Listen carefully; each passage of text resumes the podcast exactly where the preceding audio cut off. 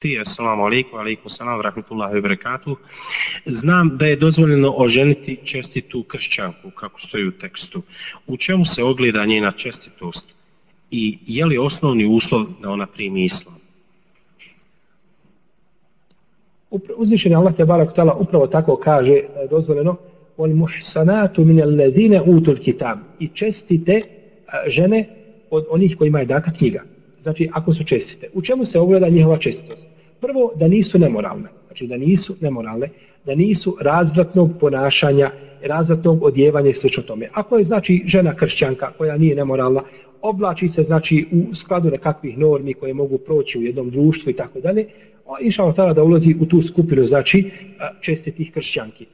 A da li je osnovni uslov da ona primi islam? Nije nije uslov da primi islam, onda ne, ne želi se više kršćanka, nego se želi muslimanka.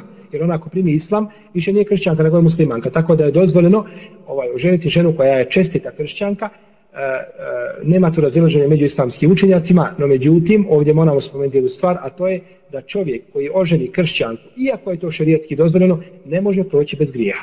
Ne može proći bez grijeha. Ne zbog same ženitbe i ugovora, to je halal i sama želi i ugovor je halal, ali posljedice koje nastaju nakon toga ne može čovjek poći bez grijeha. Na primjer, ima djecu. Ko će odgajati tu djecu? Tu njegovu djecu odgaja žena koja ne vjeruje Allaha i u I može li tu djecu odgojiti? Mogu li ta djeca izaći na hajr i na dobro? Sigurno da ne mogu ili jako teško. Tako da čovjek znači imaće, imaće znači grijeha i imaće problema, tako da je čovjeku najbolje da ženi čestite vjernice, a hvala Allahu toga u današnje vrijeme ima dovoljno i mislim da je pravi absurd da danas musliman ide da ženi kršćanku i da dovodi u pitanje sebe i svoju vjeru i svoj porod, a da ostavlja čestite vjernice koje su svakako ovaj jedva čekaju možda da dođe e, čovjek vjernik da ih oženi.